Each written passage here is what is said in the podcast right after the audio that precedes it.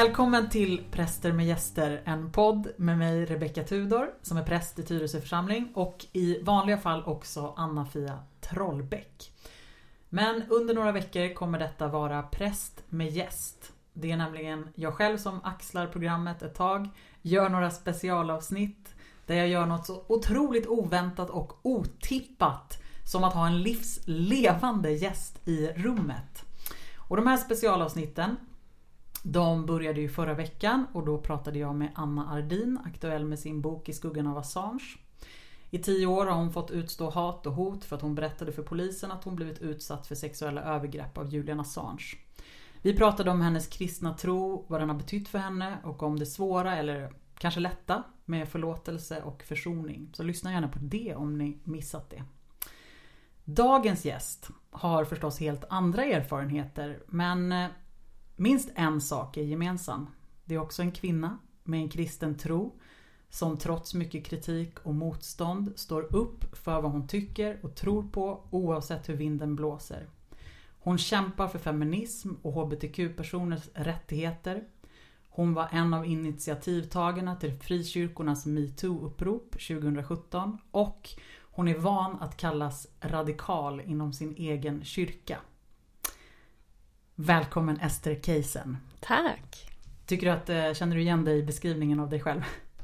Det är ju så himla fint att få höra någon annan bara sätta ord på typ de bästa punkterna i ens liv. Ja men så är det ju förstås. Eh, vi kan komma till dina, dina ömma punkter och svaga sidor också om du vill. Men vi tar dem sen. Du Ester, du är ju faktiskt eh, eh, kanske för många mer känd som feministpastorn. Ja. Det är ju så ditt uppmärksammade Instagramkonto heter. Mm. Och förra året så kom din bok Feministpastorns tro och tvivel. Mm. Du är pastor i Immanuelskyrkan i Stockholm. Yep. Som tillhör Equmeniakyrkan. Och jag tror, jag har lite dåligt minne, men jag tror att du och jag träffades första gången på en photoshoot. Stämmer det? Ja! Eller hur? Det stämmer. Vi fick liksom modella i prästkläder. Stämmer. Mm. Och jag måste ju faktiskt erkänna nu då, jag kanske redan har gjort det, men jag får erkänna att jag var lite starstruck när jag träffade dig. Eh, för att jag hade redan följt dig på Insta ett bra tag och tyckte att du, ja men vad fan, du är ju skithäftig. Så jag, eh, jag kommer ihåg att jag var lite nervös när jag träffade dig. Det, det kanske känns konstigt för dig. Ja. men så var det i alla fall. Ja, jag tänker i alla fall att vi ska prata lite om eh, ditt mod mm. och ditt aldrig sinande engagemang din ork att mm. fortsätta kampen eh, för det du tror på trots allt motstånd som du möter. Så kommer jag vilja fråga dig om vem som egentligen får kalla sig kristen. För det där tycker jag är lite spännande. Vad är egentligen att vara kristen och vem har liksom rätt till definitionen? Mm. Självklart ska vi också prata om feminism och varför den är en så självklar del av eh, den kristna tron enligt dig. Kanske glider vi in på lite annat också högt och lågt och himmel och helvete och ja, allt däremellan. Vi får se vad som händer i samtalet. Men eh, först kan inte du säga något om dig själv och din bakgrund och typ varför blev du pastor? Mm. Um, nej men jag är, eh, jag uppväxt i Värmland, i Arvika. Och i en eh, liksom frikyrkofamilj. Eh, där för mig var nog kyrkan alltid någonting som var dels väldigt självklart i mitt liv. Eh, mina föräldrar var väldigt engagerade och jag tror att det jag reflekterat mycket på nu på senaste tiden är att kyrkan har liksom alltid varit någonting som jag är med och gör. Eh, mm. Det är någonting som är väldigt aktivt, någonting som är väldigt kreativt. Och jag fick väldigt tidigt bilden av att så här, kyrkan formar vi efter eh, vad vi vill ha och vad vi behöver. Alltså kyrkan kan ha många olika former. Eh, och här, när jag var liten då var det liksom vi barn vi var en jätteliten församling men vi barn satt liksom allra längst fram. Mm. Eh, och predikan var mest till oss. Så att, så här, för det är mig... ändå ganska fantastiskt. Ja. För det känns ju lite unikt. Ja. Eh, men och det på något sätt, jag har nog inte förstått hur mycket det har påverkat min bild av kyrkan. Eh, det blir typ tydligare och tydligare. Mm. Att så här, vi som är försam alltså kyrkan och församlingen det är ju vi människor liksom. Och att det är vi som får, vad behöver vi, eh, vart befinner vi oss i livet och då får kyrkan formas efter det. Eh, och det har nog påverkat mitt sätt att vara eh, ja, men förhålla mig till kyrkan. Att så här, det som jag märker att det här funkar ju inte längre, det här håller inte. Då får jag ju jobba för att förändra det. Mm. Det ingår liksom för mig att vara en del av kyrkan. Um, sen var det inte min plan att bli pastor ifrån början egentligen. Vad var din plan? Jag ville bli läkare eller psykolog. Mm. Men så tänkte jag, kul att läsa lite teologi. Mm. Se vad, gräva lite under motorhuven. Liksom. Mm. Vad, vad innebär det att tolka Bibeln? Liksom. Mm. Så då flyttade jag till England, började första året på pastorslinjen och så tänkte jag sen hoppar jag av och så gör jag något annat. Eh, men då fastnade jag. Hur kom det sig att det blev England? För att samfundet jag växte upp eh, det är ett globalt samfund som är väldigt litet i Sverige men har liksom universitet runt om. Bland annat i England. Och då tänkte jag mm, då får jag lära mig prata bra engelska. Eh, läsa lite teologi. Eh, se någonting annat och sen så ja, pluggar jag det jag ska. Liksom. Mm. Så de som du pluggade tillsammans med tillhörde också samma samfund? Mm, eller? Precis, Adventistsamfundet mm. är jag uppväxt inom. Okay. Mm. Eh, när jag träffade Anna eh, förra veckan mm. så bad jag henne att ställa en fråga till dig. Oh. Ja, och hon hade inte fått den innan. Alltså hon visste inte att hon skulle ställa en fråga till mm. dig så jag tänkte att det var lite utmanande. Men alltså hon kom på en fråga så snabbt. Mm. Jag ser ju att hon bedriver mission. Och mission är ju någonting väldigt kontroversiellt som har varit länge kontroversiellt att det ska man absolut inte hålla på med. Mission är att banka bibeln i huvudet på folk. Liksom inom Socialdemokraterna inte minst så ser jag väldigt eh, många sådana åsikter att säga men du får gärna vara kristen men du ska inte försöka påverka någon annan att bli pracka kristen. Nej men pracka på exakt. Och att man liksom ser kristendomen som eh, något eh, ondskefullt på något sätt i grunden. Medan jag ser ju mission som en kärlekshandling. Att, att erbjuda människor att så här, visa vad jag har trott på. Och jag undrar hur Esther Casen ser på sin mission, om hon också beskriver det som mission. Ja, ja men precis som du säger att mission är ju ett ganska problematiskt ämne skulle jag ändå säga i kyrkans historia. Att mission har ju varit någonting som väldigt mycket är någonting som man tvingar på mm. människor. Nu ska vi sprida vad vi tror på, på till vilket pris som helst. Mm. Liksom. Um, så jag funderar ju mycket kring liksom mission och kolonialism till exempel som ju har gått väldigt mycket hand i hand. Eh, både och. Det finns liksom eh, missionärer som har protesterat mot koloniala, koloniala övergrepp. Mm. Eh, men också att kyrkan väldigt mycket har gått hand i hand med kolonialismen till exempel. Eh, och den där bilden av mission tänker jag att det är superviktigt att vi gör upp med som mm. kyrka. Mm. Eh, och vad är det istället? Alltså i Immanuelkyrkan där jag jobbar nu mm. Eh, så finns det i, i liksom beskrivningen i vår värdegrund typ så står det att ja, men vi vill eh, det står ungefär att vi vill sprida evangelium om, om Jesus. Eh, men vi vill göra det med varsamhet för mm. människors integritet. Mm. Eh, någonting i den stilen. Mm. Och det för mig är super... Det tilltalar mig väldigt mycket för jag hör väldigt få kyrkor göra det. Eh, eller prata om det på det sättet. Och det är nog väldigt mycket så som jag också tänker. Att jag är väldigt ointresserad av att tvinga på någon någonting. Mm. Jag är egentligen ganska ointresserad av att ändra någons ståndpunkt. Mm. Eh, det kanske folk inte tror om mig. Nej, det skulle jag nog inte tänka att det var. Nej. Um, är du det? Alltså du är på riktigt ointresserad av att ändra människors ståndpunkt? Alltså, och det kanske har blivit så. Eh, men och, så här, jag stoppar mig typ nu för det känns fel att säga Nej. jag är helt ointresserad. Men jag är typ det. Mm. För att det jag upptäckt när jag började skriva på Instagram, för att då faktiskt svara på din fråga. Mm. Eh, när jag började skriva på Instagram eh, om, ja men så här tänker jag kring min tro, kring att jag eh, är feminist, kring att jag ser liksom olika rättvisefrågor går hand i hand med, med min kristna tro. Ehm, så har jag upptäckt att det är så många människor som känner igen sig i det jag skriver och som samtidigt känner att de inte får plats i kyrkan. Mm. Eh, I frikyrkan finns det ju mycket hbtq-personer som på olika sätt har liksom lämnat för att skydda sig själva. Och många andra också, och inte minst andra feminister. Eh, att kyrkan blir så trång.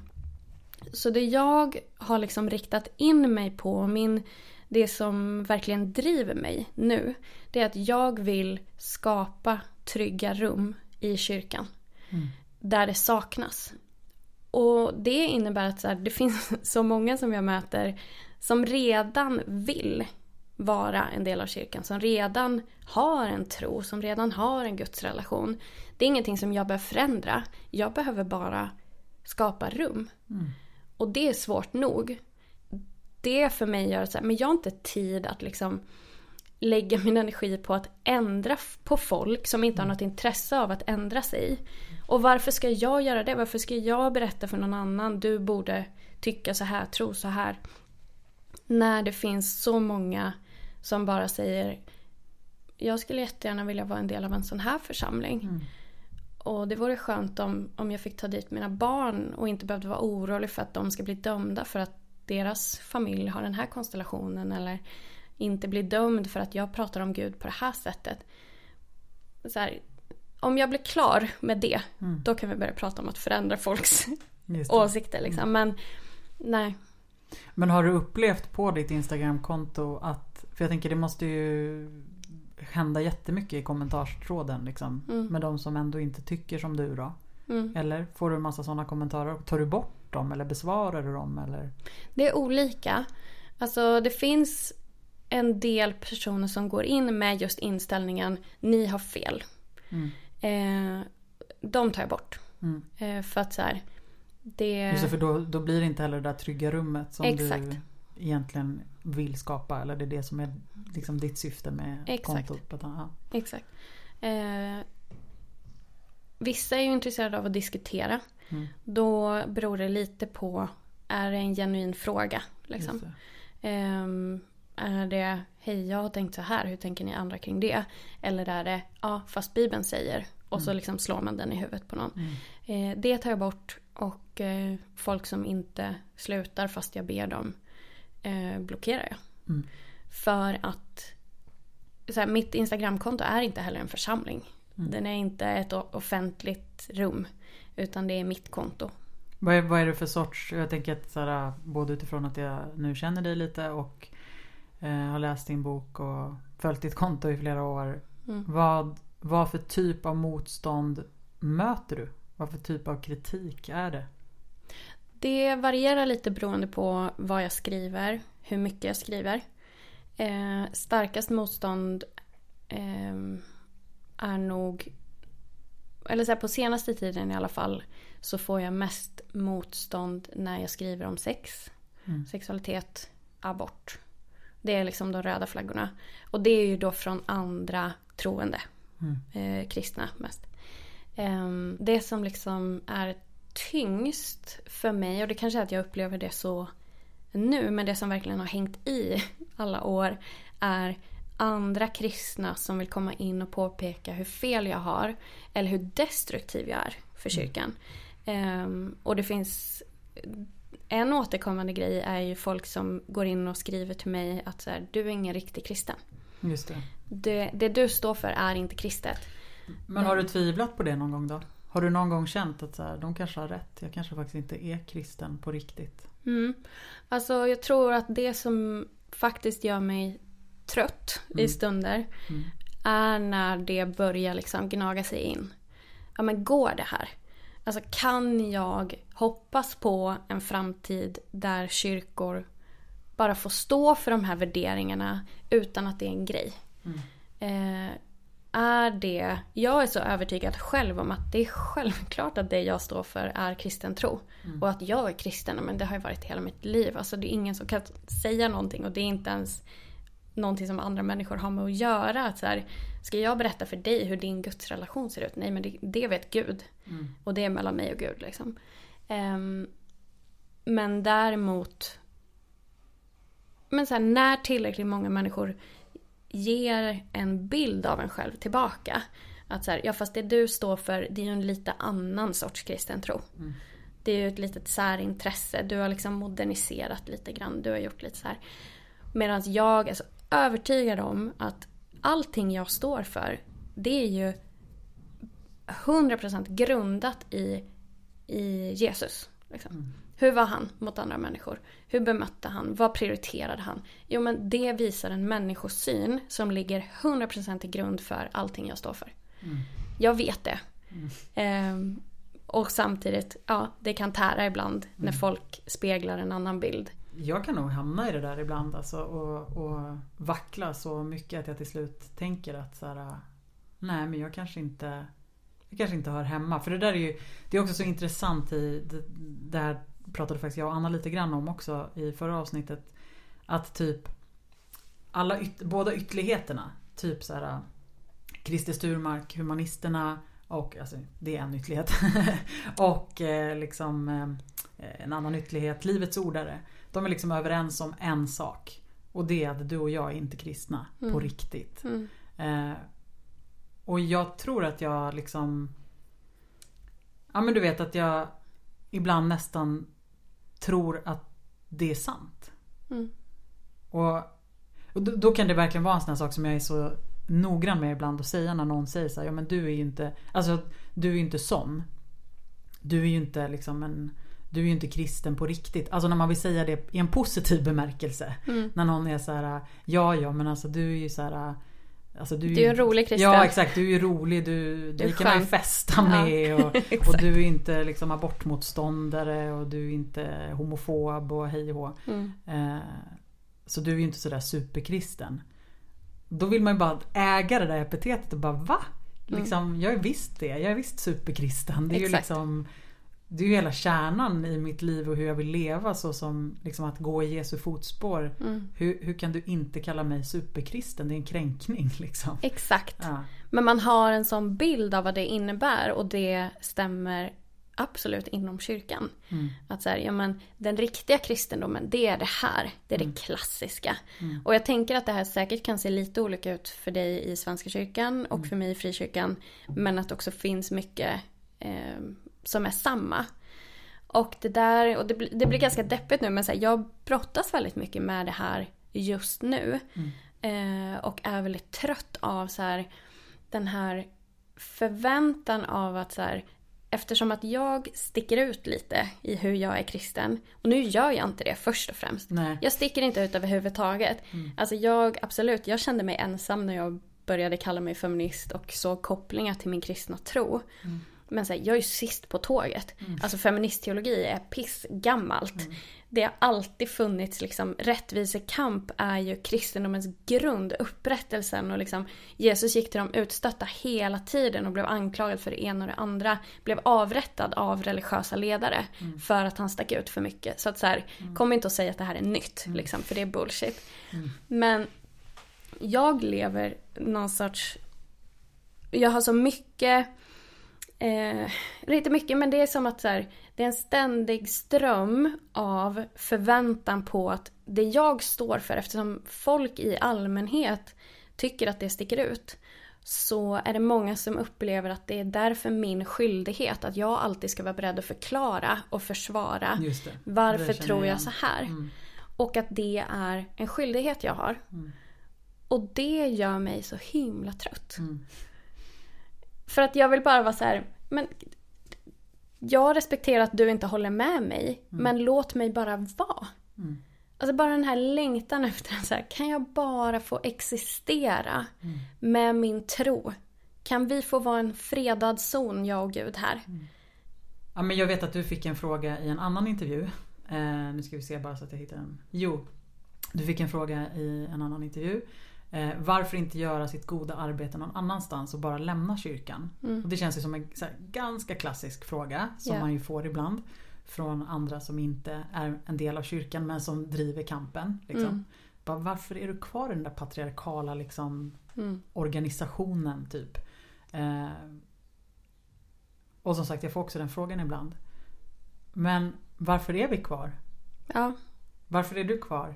Nej, men på ett sätt kan jag känna att det är så här. Det är som att fråga en människa varför kämpar du för den här planeten? Hitta en annan planet. alltså, jag säger, vart skulle jag går då. Mm. Eh, för det handlar också om, jag hör hemma i Guds hus. Mm. Ehm, jag känner mig väldigt kristen idag i mina uttryckssätt. Nej men så här, kyrkan är Guds hus. Mm. Och Guds hus är en hälsosam plats där människor upprättas, blir helade, hittar eh, frid och eh, tusen andra grejer. Men om alla vi som ser någonting som är problematiskt eller fel eller skadat eller trasigt i kyrkan. Om vi bara säger det här var lite trasigt. Då drar jag. Mm. Då kommer ju kyrkan aldrig heller bli bättre. Nej men jag, jag, eh, jag är med på noterna. Mm. Dessutom så har jag själv funderat ganska mycket på det här med att faktiskt befinna sig i ett sammanhang där tron hela tiden, alltså där också min egen tro men jag får liksom stötas och blötas och sättas på prov. Mm. Istället för att vara i ett sammanhang där, men där alla tycker precis likadant eller liksom Även om det är väldigt väldigt bekvämt och skönt att vara i sådana och att sådana rum behövs också. Mm. Men som ett jag tror i alla fall att min, min egen tro mår ganska bra av att få sättas på prov ibland. Eh, Det enda sättet för mig att hålla mig eh, ha någon sorts eh, bra inställning till det här eh, sammanhanget. Det är att vara helt transparent. Mm. Med mig själv men också offentligt. Att ja, men, min tro är liksom kärnan i mitt liv. Men jag har jätteproblem med vissa saker i kyrkan. Mm. Och de sakerna, för mig är det en styrka att vara ärlig med det. Mm. det är inte, jag säger inte de sakerna för att framställa kyrkan som dålig. Utan för att jag kan bara prata om det som är fantastiskt med kyrkan. Om jag också erkänner det som alla vet. Liksom. Att ja, och det finns också en del saker här som vi verkligen brottas med. Mm. Hur ska jag med gott samvete kunna vara pastor och säga välkomna till min kyrka om jag inte också är ärlig med vi jobbar med de här grejerna. Det här är svårt här. Eh, Men det här är fantastiskt här. Så att människor får gå in med öppna ögon och också välja sitt sammanhang. Mm.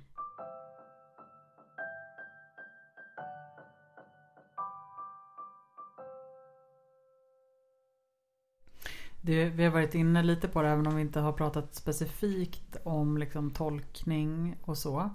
Eh, och jag tänkte kanske glida in lite på Bibeln Mm. eh, och eh, bibeltolkning. För jag tänker att det är många som undrar liksom, hur man inom kyrkan kan tolka Bibeln och traditionen så extremt olika. Att det, liksom, det som är självklart ehm, Det som är självklart rätt för mig är så självklart fel för någon annan. Exakt.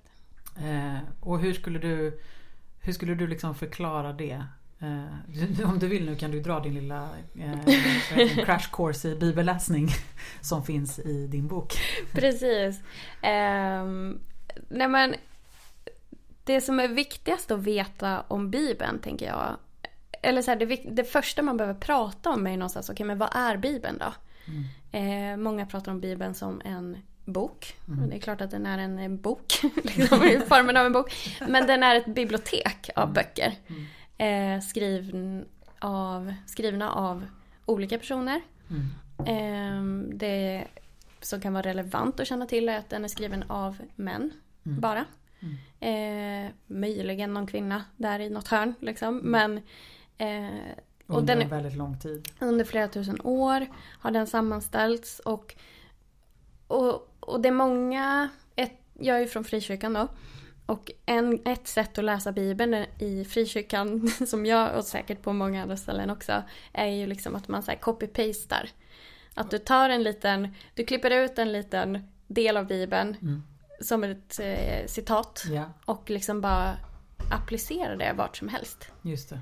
Att man har bilden av Bibeln att den har liksom så här eh, vissa universella svar Mm. som du bara kan liksom. Just det, ta dem ifrån sitt sammanhang. Liksom. Ja. Mm. Eh, och det finns vissa sådana grejer absolut. Men till stor del så behöver du ju läsa Bibeln med, för den är full av berättelser.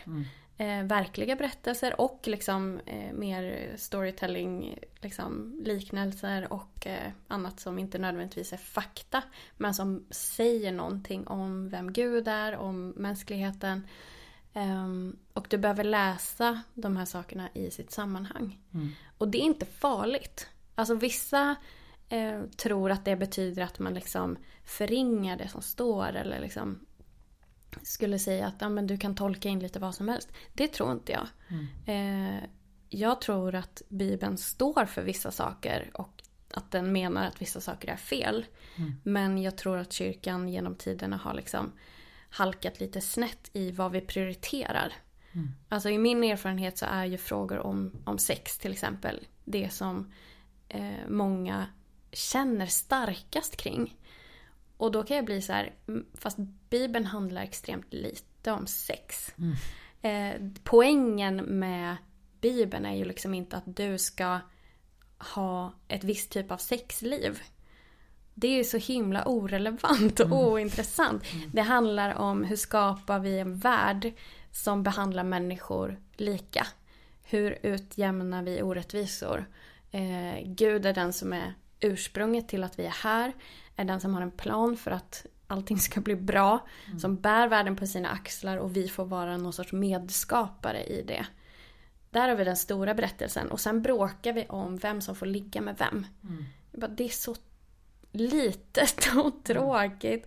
Mm. Ehm, Jag uppfattar dig som att du har ett väldigt lustfyllt förhållande till Bibeln. mm. Alltså att du tycker typ att det är, det är kul med Bibeln. Det är Ja. roligt med bibelberättelser. Ja, men det är Och det. jag kan verkligen avundas den där glädjen och lusten. För jag tycker att jag stångas så himla mycket och att jag tycker att det är en väldigt, väldigt svårgenomtränglig bok Mm. eller böcker. Mm. Ehm, och att jag nästan oftast, alltså min egen relation till Bibeln är lite som liksom relation till poesi. Alltså Mm. det är så här hjärtats språk. Det är Mm. som att ibland berörs jag jättemycket av det jag läser eller det är något ord som sticker ut eller att jag tycker om att läsa med hjärtat men Men att jag ibland bara Vad är det här för böcker? Varför ska jag förhålla Varför måste jag förhålla mig till allt det här? Ja. Eh, men det känns som att du har ett, alltså att du verkligen gillar att, eh, att läsa Bibeln. ja, men så här, både och. Det är klart att jag eh, brottas med Bibeln. Mm. Och Ja men det är kanske är det du tycker är kul. Ja, men till, ja, eller både och. Det går nog också i lite perioder Mm. vad jag behöver. Alltså det enklaste sättet att närma sig Bibeln tänker jag, det är ju att läsa om Jesus bara. Mm. Eh, det finns ju fyra böcker som handlar om Jesus, evangelierna, som betyder de goda nyheterna. Eh, och där det berättas om Jesus från fyra olika perspektiv, kan Mm. man säga. Ehm, och så här, man kommer väldigt långt med att läsa dem. Mm. Och alla måste inte vara ehm, bibelforskare för att kunna få finnas i kyrkan. Liksom. Det är så himla okej att ha olika inställning till, till Bibeln och olika kunskapsnivå. Eh, men väldigt mycket av det som Bibeln som helhet kommunicerar eh, fångas in i, i Jesus liv. Mm. Liksom.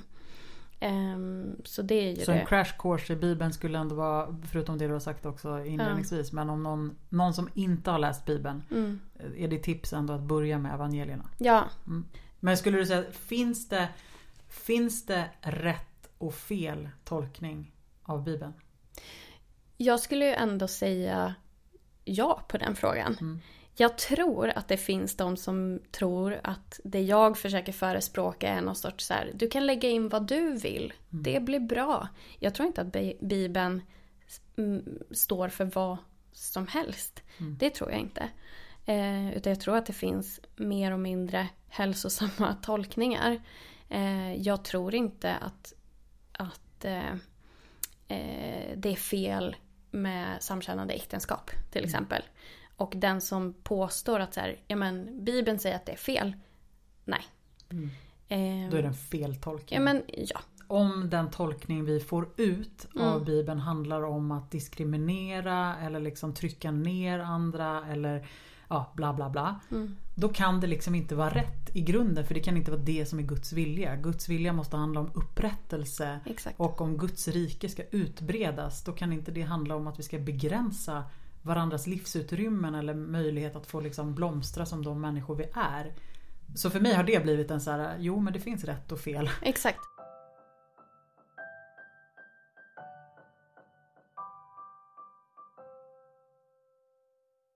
Eh, Ester-casen. Ja, Rebecka. Tudor. Tudor. Du skriver att det var Jesus som gjorde dig till feminist. Korrekt. Mm. Du menar ju också att Jesus var feminist. Mm. Eh, när började du kalla dig för feminist? Jag tror att jag var här, 23. Typ. Okej. Mm. Ehm, för jag minns, jag började plugga teologi när jag var 20. Mm. Och mot, då, liksom under den tiden så brottades jag mycket med min tro och liksom började läsa olika eh, infallsvinklar. Eh, och liksom... Nej men så här, jag började intressera mig mer av att gräva i olika sätt att se på min tro. Och jag började läsa feministiska bloggar när jag var kanske 22 eller någonting. Ehm, och började liksom hitta, för mig när jag liksom fick förståelse för feminismens grund eh, så kände jag så här, men det här är ju det jag har lärt mig i kyrkan. Det här är exakt samma sak. Att så här, okej, världen är orättvist uppbyggd. Vad ska vi göra för att ställa det till rätta? Det är precis samma sak för mig som vad jag har fått höra i kyrkan. Att så här, världen är på olika sätt trasig. Eh, drabbad av synd. Om man ska prata om strukturell synd. Mm. Eh, det finns en massa trasighet i världen. Och som kristna som går i Jesus fotspår ska vi vara en del av att hela det som är trasigt.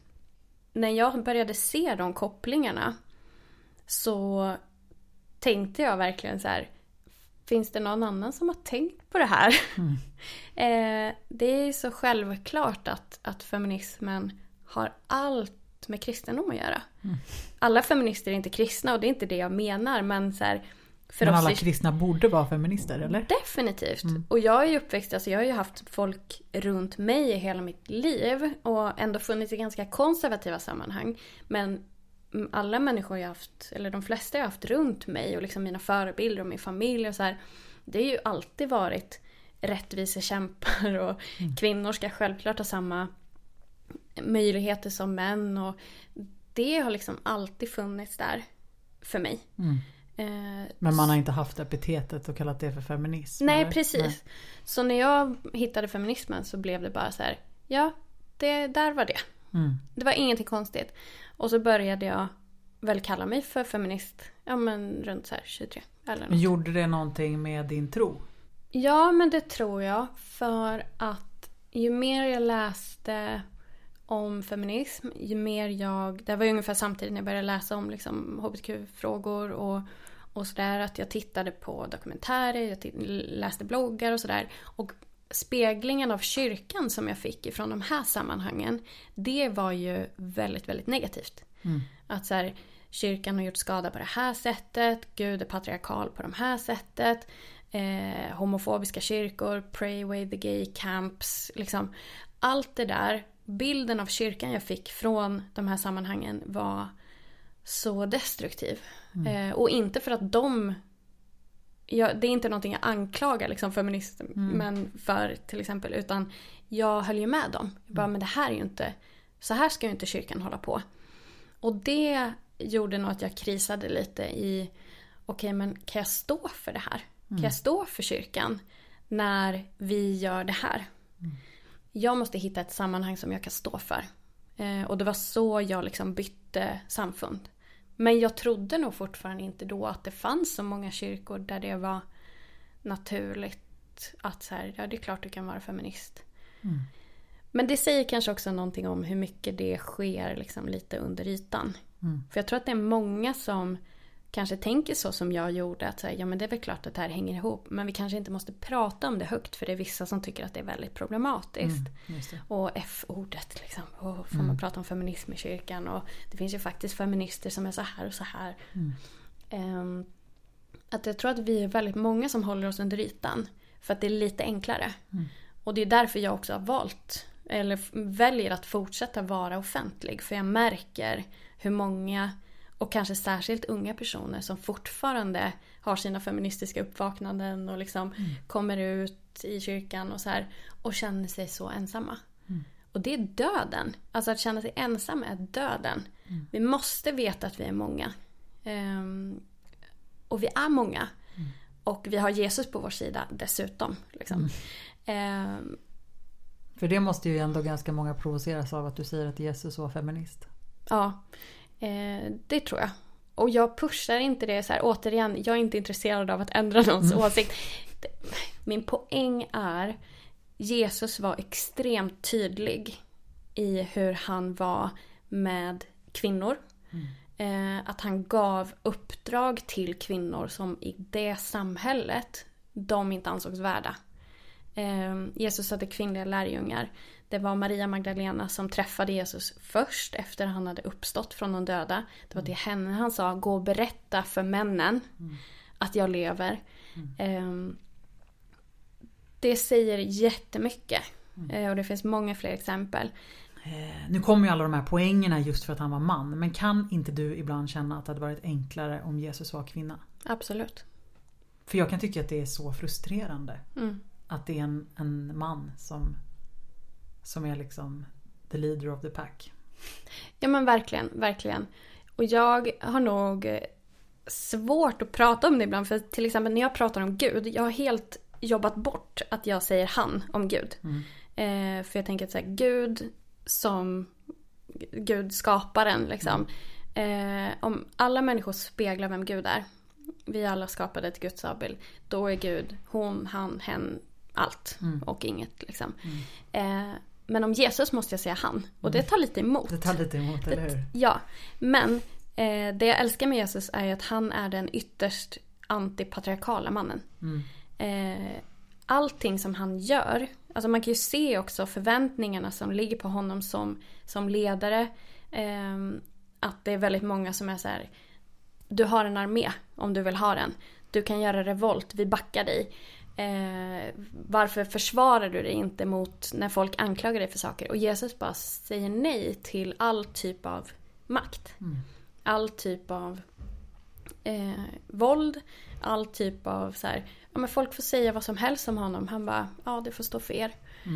Han, är, han är väldigt liksom, nej låt mig gå och äta middag med, med fattiga utstötta personer. Eh, låt mig tvätta era fötter. Hans sätt att vara som man är revolutionärt. Och det, Det är sant. det kan vi prata i timmar om. Liksom.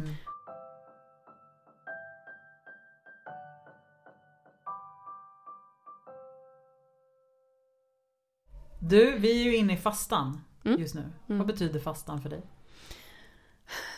Betyder det någonting? Nej men så här, jag får så mycket prestationsångest Jaså? av sånt här. Du var lite avundsjuk på min så här kärlek till Bibeln. Ja. Eh, jag kan ju känna prestationsångest av personer som håller fastan eller väldigt så här andliga. Jag kan tycka väldigt mycket om typ så här tysta retriter och sådär. Men folk som har någon sorts andlig rutin i sitt liv. Då, jag känner mig så dålig. Eh, när vi pratar om sånt där. Eh, jag till exempel har knappt koll på när fastan börjar. Eh, jag tycker väldigt mycket om, jag håller på att lära mig. Jag är inte uppväxt i kyrkoåret och liksom alla de här sakerna. Ehm, så för mig är det ganska nytt. Jag tycker att det är fint med en tid av att liksom avstå någonting för någonting bättre. Eller avstå någonting så att det gynnar någon annan. Eh, under en tid. Jag tror att det är jättebra. Eh, Men i praktiken är det inte något du håller på med. nej, Men du gör ju så mycket bra ändå hela ditt liv. Men kan du längta efter andliga rutiner då? Eller liksom, skulle du kunna längta efter att använda fastan på det sättet? Liksom? Att få en, vad det nu kan vara, rutin för att Ja, be jag- en stund, liksom sitta tyst en halvtimme varje dag eller vad det nu kan vara. Precis. Nej men jag har ändå en ambition av att göra någonting särskilt Mm. nu. Eh, jag vet förra året under fastan så åt jag helt vegetariskt. Mm. Eh, vilket jag kanske borde göra hela året. Mm. Eh, det gör jag inte. Ehm, Ja, jag vet. Är du inte vegetarian? Är inte alla feminister vegetarianer och lesbiska? Ja, precis. Mm. I'm on my way. Ja, nej men vad tusan. Fastan handlar ju också om det som jag tänker att hela din... eh, Hela du präglas av att liksom eh, befria de fångna, Mm. krossa oken och liksom Mm. alltså Jesajas budskap också. Mm. Nej men om jag, om jag lägger bort min egen prestationsångest över hur jag tror att andra kristna förväntar sig att jag ska vara. Mm. Eh, så tror jag ju att det är väldigt hälsosamt att, för det är så lätt att tänka men jag kan någon annan gång. Eh, avstå det här. Eller så här, ja men det är väl inget svårt att inte göra det här under några veckors tid. Mm. För det är ju svårt Ja. att avstå grejer Mm. när Nu är det dessutom så att vi har levt ett år där vi har fått avstå så enormt mycket. Vi har ju Exakt. levt i liksom en, ja, en enda lång fastetid. Liksom. Ja, Mm. Ja, ja, men eh, nog om fastan. Du, ja. eh, ingen press nu Ester. Nej. Men eh, Anna skickade ju med en fråga till dig. Mm. Och nu så är det så här att jag nästa vecka ska träffa Patricia Tudor Sandahl. Nej, A.k.a. min egen mor. Eh, nu brukar kanske hennes målgrupp vara snäppet äldre än vad du är. Eh, kanske har du ingen riktig koll på vad hon sysslar med. Eh, men eh, som sagt var, ingen press. Men har du någon fråga till henne som du vill att jag ska skicka med? Ehm, nej men för visst är det så att din mamma blev troende liksom som riktig människa. Ja men det kan man säga. Det kan man säga. ja, eh, som vuxen. Ja men precis, hon hittade Ehm, liksom. Ja, mm. Nej men jag som då pratar så mycket om så här tro och tvivel och skav och det här är jobbigt och det här eh, Jag skulle tycka det var fint att höra om vad är det liksom bästa för henne? Eller det finaste med kyrkan? Mm. Vad är det som liksom ger henne hopp och glädje och vad är det som kanske drog henne dit? Tack, Ja. vilken bra fråga. Ja. Eh, Ester, Mm. du är en jäkla klippa och stjärna alltså. Men detsamma. tack för att du ville vara med i vår podd. Det känns så himla himla fint. Tack för din generositet och allt som du har bjudit på och eh, Gud välsigne dig och ditt uppdrag som den missionär du är. Tack detsamma. och tack alla ni som har lyssnat. Eh, sprid gärna podden och eh, vi hörs igen då nästa vecka. Hej då!